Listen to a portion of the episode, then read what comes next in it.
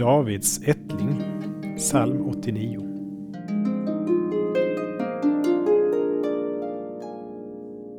Jag slöt ett förbund med min utvalde, min tjänare David gav jag min ed. Din ett ska bestå för evigt, för alla tider befäster jag din tron.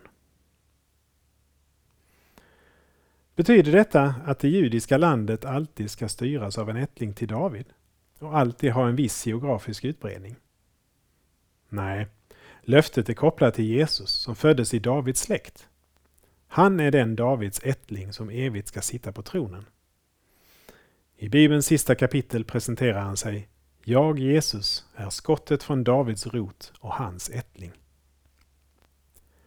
Mitt rike hör inte till denna världen, säger han till Pilatus. Riket är mycket större än så. Himlen är min tron, jorden är min fotapall, säger han genom profeten Jesaja. Det är vida mer än vad någon kung eller president kan säga.